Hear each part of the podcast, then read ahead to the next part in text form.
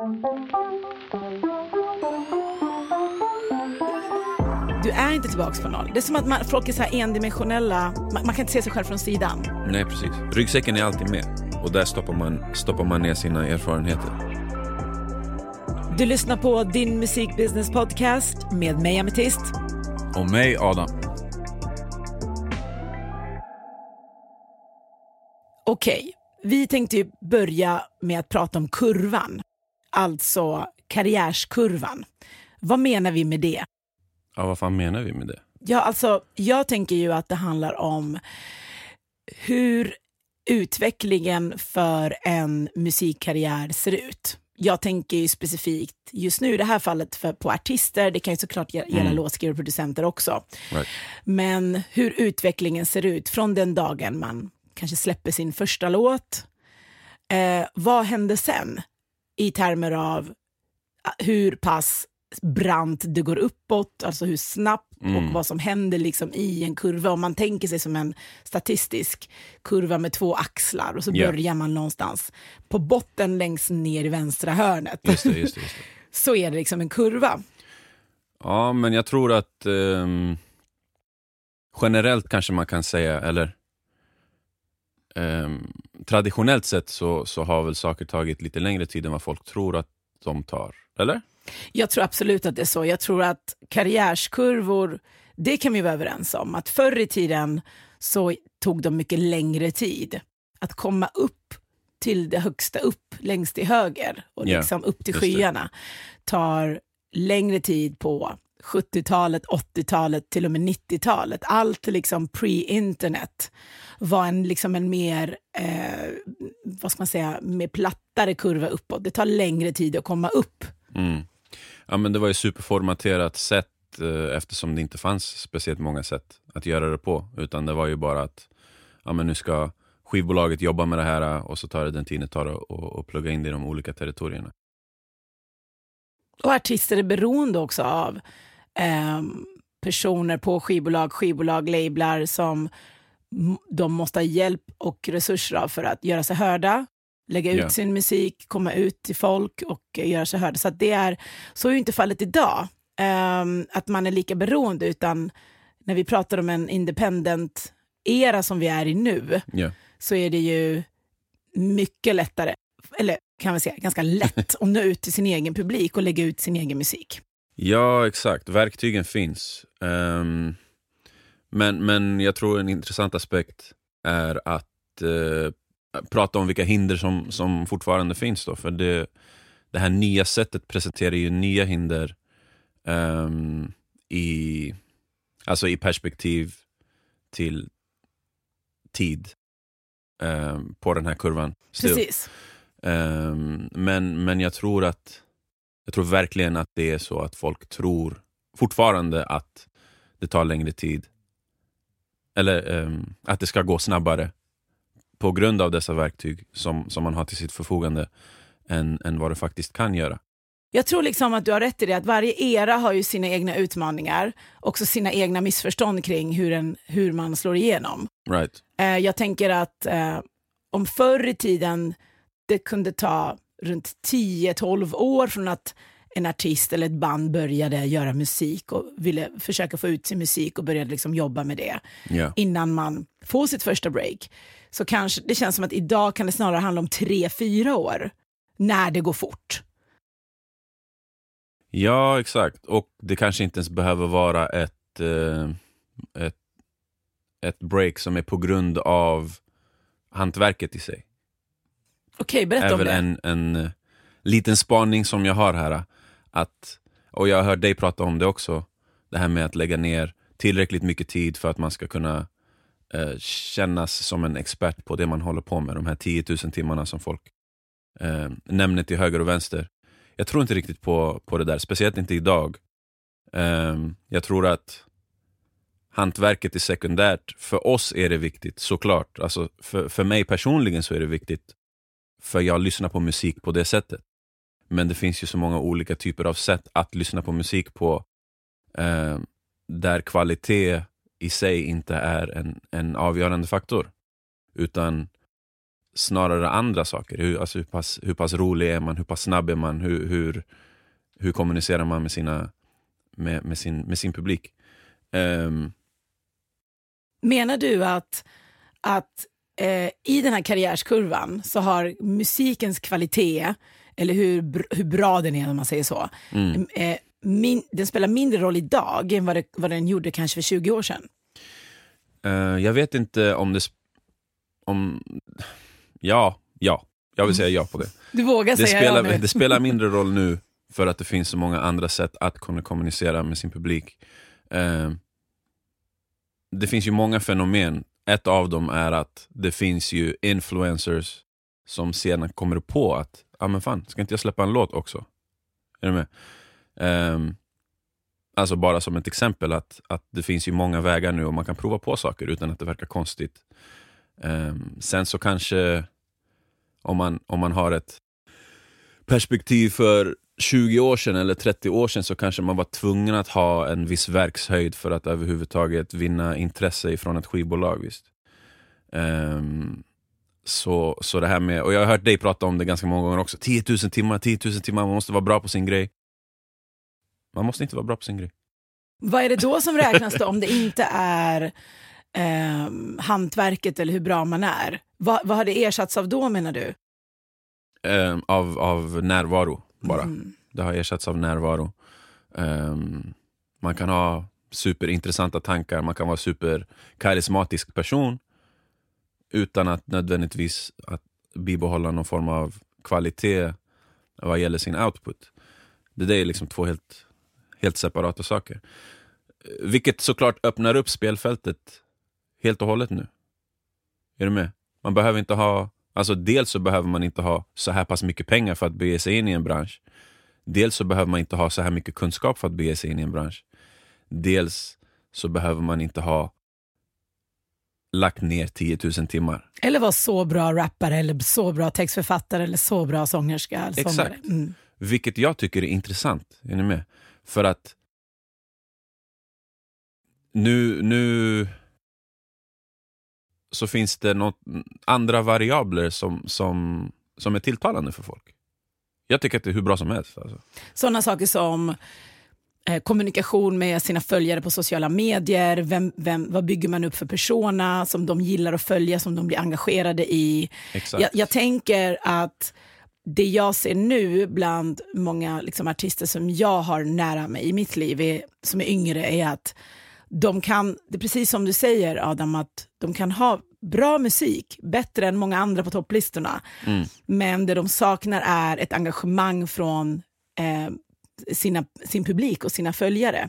Alltså de får inte de siffrorna som de hade velat ha på sina streams eller sina videos för att jag får en känsla av att deras följare inte har en story att följa. Så vem är du? Mm. Vem är du? Att de inte kommer dem nära för att de inte släpper in, att de inte eh, berättar vilka de är, att de inte är spännande liksom. Eller, eller liksom intima med sina följare på något sätt. Det finns någonting. Ja men exakt. Alltså jag tror att eh, om man nu ska, om man nu ska break down vad som, vad som är intressant för en 12-årig lyssnare så um, så finns det vissa saker som man måste förhålla sig till. Man kan inte vara för left field, man kan inte vara för out there, man kan inte vara för smart, det kan inte vara för komplicerat. Det finns massa saker som, eh, som gör att till exempel svensk eh, hiphop är tilltalande för dem just nu. Dels för att det är en våg överhuvudtaget, dels för att det är en tradition för dem. De har det här i sitt DNA, det är inte konstigt att lyssna på det som det var på våran tid. Eh, det här är en del, alltså det är verkligen integrerat numera i, i svensk ungdomskultur. Så om, om, man, om man ska break it down på så sätt så, så är en 12-årig lyssnare inte samma sak som en 25-årig lyssnare. Obviously. Det är lite roligt att du drar exemplet med 12-årig lyssnare för att eh, till exempel Instagrams, majoriteten av Instagrams användare är ju tonåringar. Det är det. Och, och, och det är ju någonstans så här, ska man dra upp sina algoritmer för ännu högre synlighet som också kanske ger effekt på sina streams, som ger effekt på massa andra saker. Mm då är, det liksom, då är det ju de här tonåringarna man ska rikta in sig mot. Vilket kan också kännas himla tråkigt om man är en 27-årig artist. alltså att man måste liksom eh, förenkla och spela enligt de reglerna för att för att vara intressant. Ja. Men antalet streams säger ju ingenting om, om det riktiga engagemanget. Det är det som är grejen. Det är en sak, det är en aspekt av det, hur många streams som man har. Eh, men det finns andra variabler som också är viktiga. Så ja, alltså man, kan, man kan helt enkelt inte säga vilk, vilk, vad som är intressant för en 35-åring. Det enda som vi kan säga är att förmodligen är det inte samma sak för en, det som är intressant för en 12-åring. Och förmodligen att det, det, man får se till att vara intressant. Som, alltså som, att man liksom, Ja, det, inte, exakt. det, om, för om, det är, om det inte bara är kvaliteten på musiken som avgör, så måste man ju också som person skapa ett engagemang. Exakt. Det ställer ju också högre krav på uh, artister tycker jag. Det blir ju lite, det krävs ju att man checkar in fler rutboxar för Exakt. att vara en framgångsrik artist idag. Exakt. På en vinyltid eller en, där, och en livespelningstid. Ja. Där liksom artister eh, eh, spred ordet om sig och blev stjärnor genom att släppa musik på skivor och Mm. turnera runt, runt om i världen. Så var det ju musiken och live performance som räknades, liksom det som är kärnan någonstans i artisteriet. Nu blir det ju någonting, det, det krävs ju ännu fler saker av dem. Ja, exakt. exakt. Men, men det krävs också mindre tid. Utan, eh, jag tror man bara kan knäcka koden på ett annat sätt. Eh, speciellt ungdomarna som är i den här kulturen idag. De vet ju. De vet ju hur de ska göra det här. Jag tror ändå att man kan gå den långa vägen också om man är en sån artist. Ja, ja, ja. Absolut. Om man är en artist Absolut. som liksom tänker mer på live, live, framträdandet och musiken och man är liksom av den skolan och man vill inte och kan inte förmå sig att du vet, skapa liksom ett engagemang kring sig, kommunicera, vara närvarande som du säger Ja, gentemot sin publik. Så jag tror ju att, jag tror att en sån karriär kan funka också. Det tar bara, då tar det faktiskt bara längre tid. 100 procent. Det är vad jag tror. Det tar nog ganska mycket längre tid för att då måste man, ja men jag tänker att man måste liksom, om man kommer få se många andra som man tycker inte alls bryr sig om samma saker lika mycket, eller Ja. vad man tror i alla fall, har liksom mer shine snabbare och tänker jag kan bli en frustrerande situation. Eller, det här, nu pratar jag om för att jag känner sån här typ av artister. Ja. Eh, men jag tror att det går. Men tror du att det kan bli farligt? Liksom? Att, eh, att vägen är för lång för, för dem? Att de kanske hinner lägga av innan? Eller? Ja, precis. Alltså det jag tänker på det är ju två saker. Dels det du säger nu, att ehm, jag, jag tänker dels på att det är ju också inte lätt att vara artist. På många sätt kanske det är lite svårare för att det är fler variabler som man måste jobba med. Eh, och Ja. Samtidigt som det är jättemånga som, gör, som vill göra samma sak som dig. Det är mer än någonsin. Eh, heter det? Vi eh, postade på din musikbusiness att det läggs ut över 60 000 nya låtar på Spotify varje dag. Exakt. Och det är väldigt mycket. Och så om man då därtill lä- lägger att Independent-arenan eh, förväntas att inom, vad var det nu ska vi se, den skulle inom två år kan komma att femdubblas. Alltså det, är liksom, det blir så många som ska in och göra musik, vill testa på. Ja. Så, så blir det helt plötsligt det är nog ganska svårt för många nya artister som kommer in och vill spela det här spelet för att man känner att alla, det är liksom en hel, en hel, liksom, ett helt, eh, en hel massa som vill göra samma sak och vill åt samma håll. Så det är nog ganska jobbigt. Men jag tänker också på det du nämnde här nu att eh, om, om jag då tänker på både de här eh, som är bra på sin närvaro och skapa ett engagemang Mm. eh, kring sig själva, men också de här som inte är bra på det och pallar inte det och vill ta den här klassiska vägen. Jag gör musik och jag är en, Ja. en liveartist och det är så jag ska göra det. Med kvalitet, Ja. helt enkelt. Så tror jag, jag, ser, jag har ju sett samma missförstånd hos båda de här grupperna eh, ganska länge, ett bra tag. Vilket är att, eh, att många tror att det är något fel om det tar mer än tre, fyra år att slå igenom. Just det. Jag menar, att bara för att man gör precis som du säger, eh, man liksom förstår närvaron på sociala medier och så betyder det inte att man slår igenom snabbt heller. Det kan ju också ta längre tid för vissa av andra anledningar. Man kanske bara inte är tillräckligt intressant eller ännu eller behöver bli bättre på det. Men ehm, efter mina samtal med många artister genom åren så har jag märkt att det verkar finnas någon slags magisk så här, fyraårsgräns där många som jag personligen tyckte var talangfulla Right. och var bra och var liksom löften och jag tyckte det var spännande att följa dem. Att de lägger av. Jag, menar, alltså, jag har stött på eh, en hel del artister nu eh, som verkar ha, där det brukar finnas ett missförstånd kring eh, om man inte har slagit igenom inom tre, fyra år, att de tror att det, då är någonting fel och att de tappar liksom hjärtat och lusten i det de gör då. Mm. Eh, vilket jag tycker är väldigt synd, för att vi, självklart, vi pratar ju om att det går ju mycket snabbare idag att slå igenom. Du kan slå igenom med din första låt och den Ja. behöver inte ens vara så bra. Det kan handla om andra saker som gör att du slår igenom och får uppmärksamhet och känner liksom ett lyft i, jag blev hörd. Men samtidigt så stämmer ju inte det för alla att det, det kan gå så snabbt. Ehm, och då blir jag ledsen när bra talanger, bra artister som jag tycker är intressanta, lägger av på grund av att de tror att någonting är fel. Ja, självklart är det så Mm. att, inte så att om man börjar göra musik så måste man göra resten av livet. Man kan ändra sig och göra något annat med sitt liv. Men det är just när det handlar om ett missförstånd som jag blir ledsen. Ja, men alltså jag tror... Det är klart det finns... eh, Det där är en stor sorg som vi alla bär, alla historier som vi aldrig får ta del av på grund av olika saker som, som kom emellan. Men, men alltså, är det så här? Jag tänker, ger man upp, då är man inte byggd för det här bara. Oh, du är hård. Är du med? Sen, Du är hård. för informationen finns där. Är man hungrig eller är man inte hungrig? Jag hör dig. Du lyssnar på Din Musik Business Podcast. Podden presenteras av Skap. Om du går in på skap.se så kan du läsa mer om deras arbete.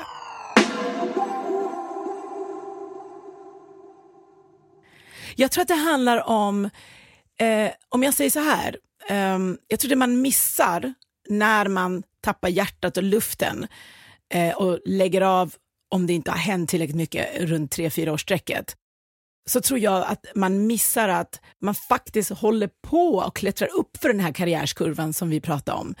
Eh, för att man period för period, dag för dag, vecka för vecka, månad för månad, period för period, Ja. hela tiden samlar på sig, alltså ackumulerar eh, saker som man inte hade perioden innan. Vilket är själva definitionen av att klättra uppåt. Det är när Exakt. du har mer än vad du hade perioden innan, då har du gått upp ett steg. Och eh, att man liksom inte tänker på att de sakerna, det är ju inte bara streams eller antal spelningar eh, eller sådana saker, utan det är saker som, okej, Ja, men det Ja. kanske beror på vad man går in i det med. Det är enkelt, är du med? Det är enkelt att snegla på de här Spotify-siffrorna. För de finns där. Och alla pratar om dem. Ja, men jag tänker bara, jag ska bara försöka lista upp vad jag tror de sakerna är och hur man kan tänka. Jag tror att det är saker som till exempel, okej, perioden innan så kände jag inte två personer till inom branschen som jag känner idag. Du kanske Mm. nu har skakat hand med några personer till, lärt känna några personer till. Det kan vara andra producenter, andra artister, men också branschmänniskor som du inte kände innan. Okej, ditt nätverk har de facto ökat. Eh, Du har lärt dig några saker till kring musikbranschens infrastruktur. Du har lärt dig några saker till, kring avtal och hur man gör det. Du har fått erfarenhet i studion. Du har blivit lite bättre i studion, vare sig det är bakom micken eller när du sitter och producerar. Du har blivit lite bättre på scen. Du gick ut på scen och kom på några saker som du ska tänka på till nästa gång. Exakt. Eh, du har blivit lite vassare på att skriva texter på ett annat sätt. Ehm, du har lärt dig lägga dina liksom, bars på ett lite annat sätt. Ja. Så att, om du frågar mig så är det omöjligt att när tiden går så har man, det är omöjligt att inte ha samlat på sig mer saker i form av, jag skulle vilja kalla de här sakerna för kapital. Ja. Du samlar på dig kapital liksom. Så du har ju hela tiden eh, gått upp i stegen. Exakt. Och, alltså, och jag håller med. Jag, jag tycker att det är viktigt att hålla i.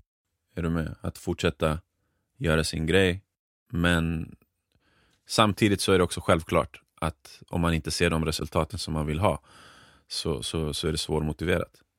Och då tänker jag, då finns det någon annan som är mer, helt enkelt mer eh, lämpad för platsen. Jag gillar att du är den här hårda coachen. Du har lite survival of the fittest inställning till, till det här, eller Nej, hur? men jag, jag tror att jag, om jag får prata ur egen erfarenhet, så, så var ju såklart uppförsbacken var eh, enormt lång och enormt brant för min del, för våran del. Um, för, för er som känner till historien. Det är egentligen en helt annan historia, men, men jag vet ju att man kan komma någonstans med bara envishet och rätt, rätt kärna i vad, man, vad det är man håller på med. Letar man efter pengar, då är det såklart man, man, man kollar på streamsen, man kollar på plånboken, har den växt eller inte?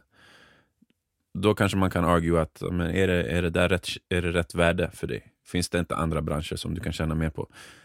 Vill du jobba i kassan på McDonalds så kommer du tjäna mer. är du med? Tyvärr ja. ja. Så um, är man ute, det beror på helt enkelt. Vilken värdering har man? Vad är ens kärna? Vad är det man vill uppnå? Och jag tror att en person som, som väljer att ge upp är den personen som kanske inte har definierat det där tillräckligt tydligt för sig själv ännu. Jag håller med, jag förstår.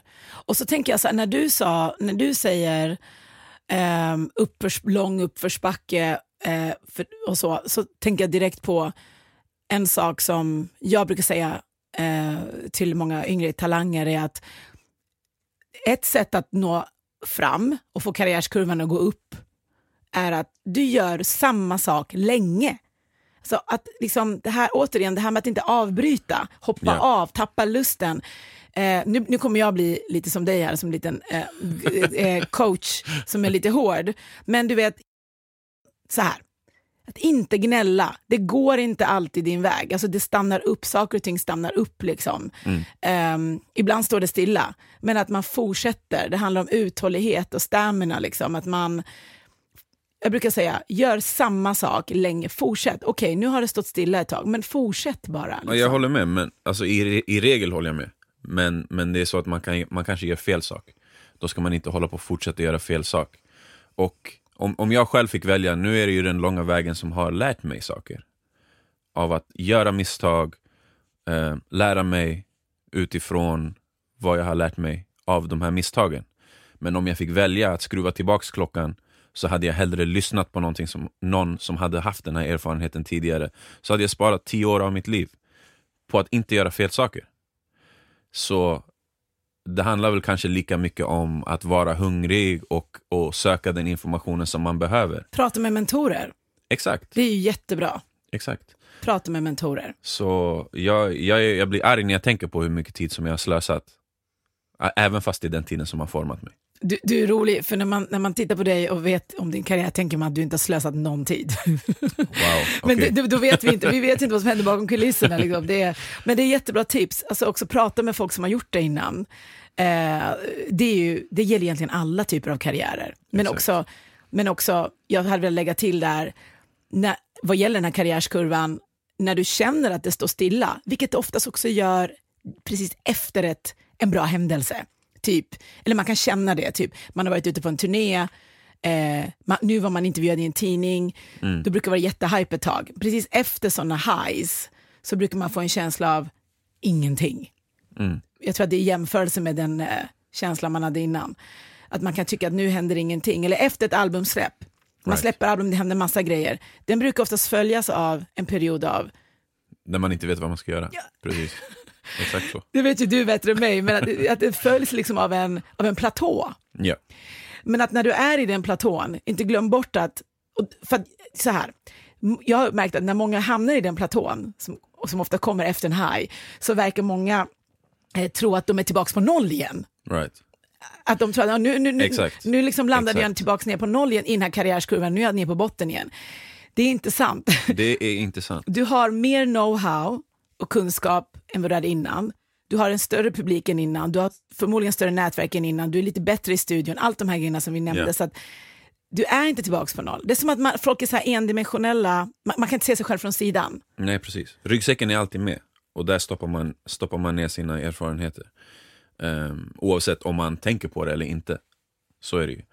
Men apropå det här med, med, med kurvan och sådär, att, att, att det kan vara så att det tar lång tid. Vad tror du om framtiden då? För nu finns ju redskapen till att ha olika typer av personas på internet. Är du med? Det finns ju hur många identiteter som helst som man kan laborera med. Och då, och då menar jag att här finns det oändligt många eh, möjligheter att, att börja om från början igen. Fast med mer kunskap än tidigare. Mm, det är vad du tror kommer hända. Exakt.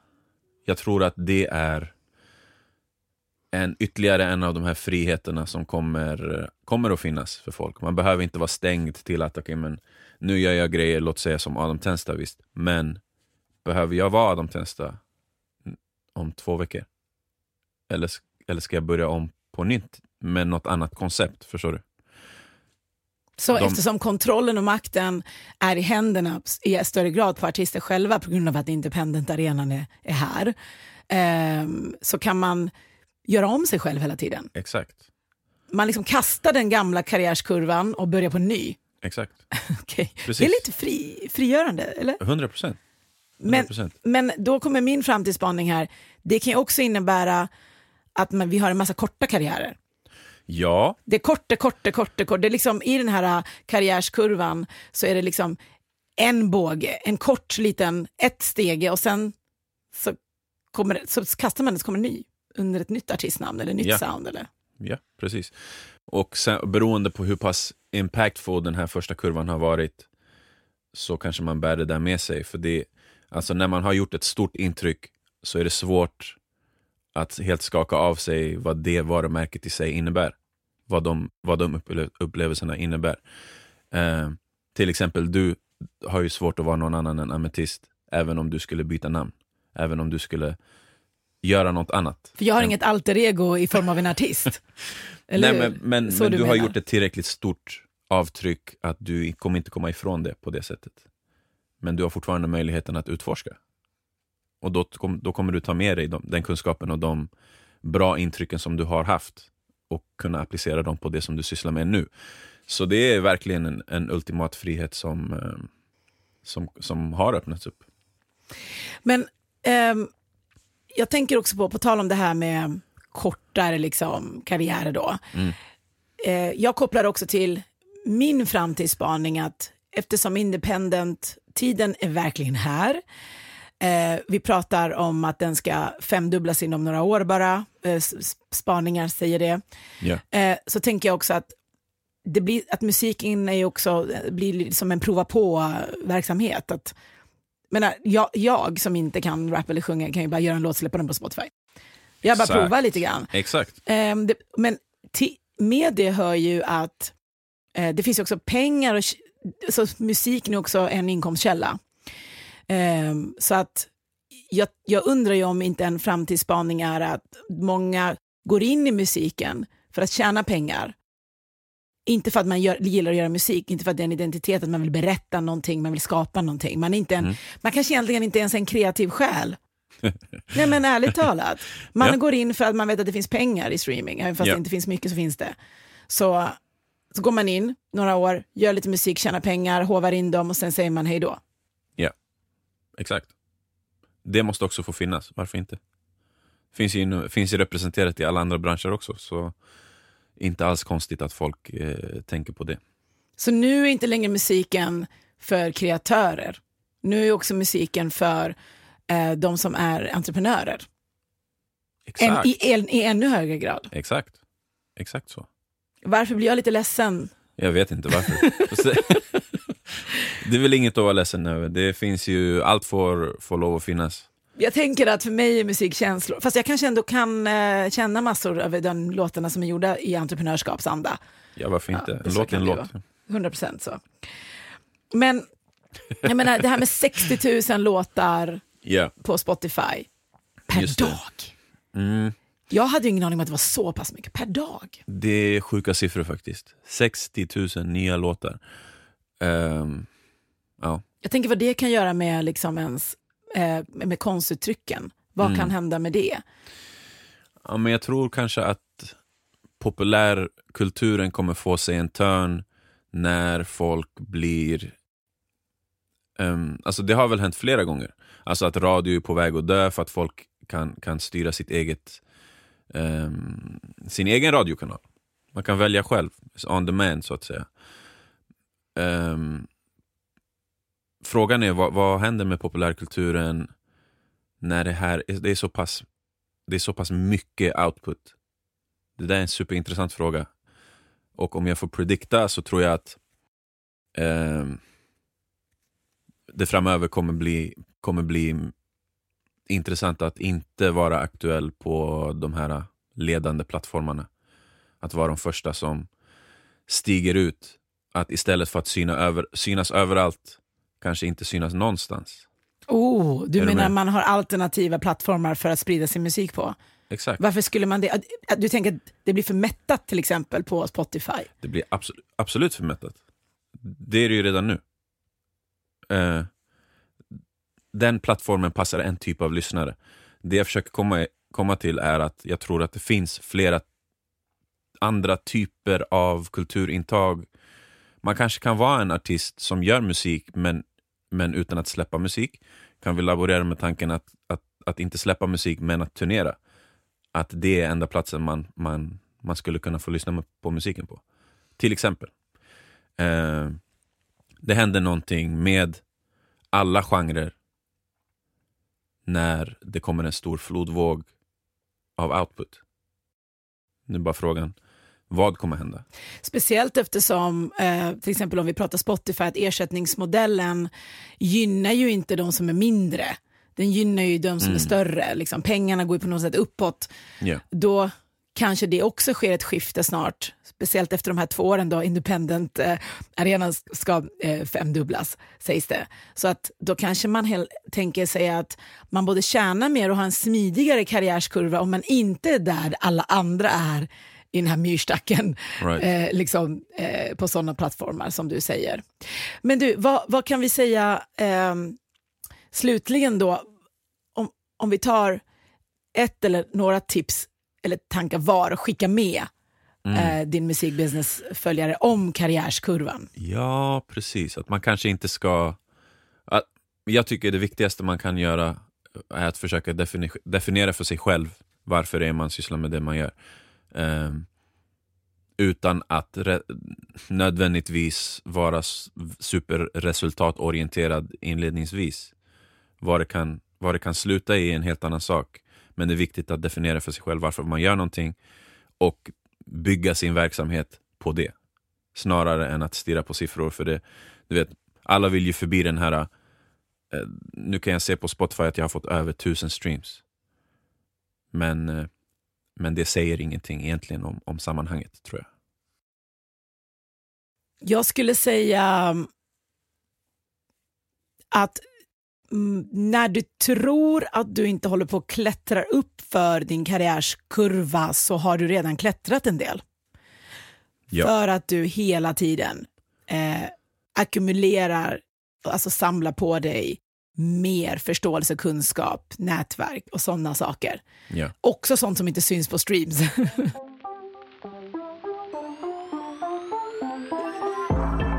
Du har lyssnat på Din Musikbusiness Podcast presenterat av Skap. Nå oss på Instagram at dinmusikbusiness eller mejla på hej at dinmusikbusiness.com.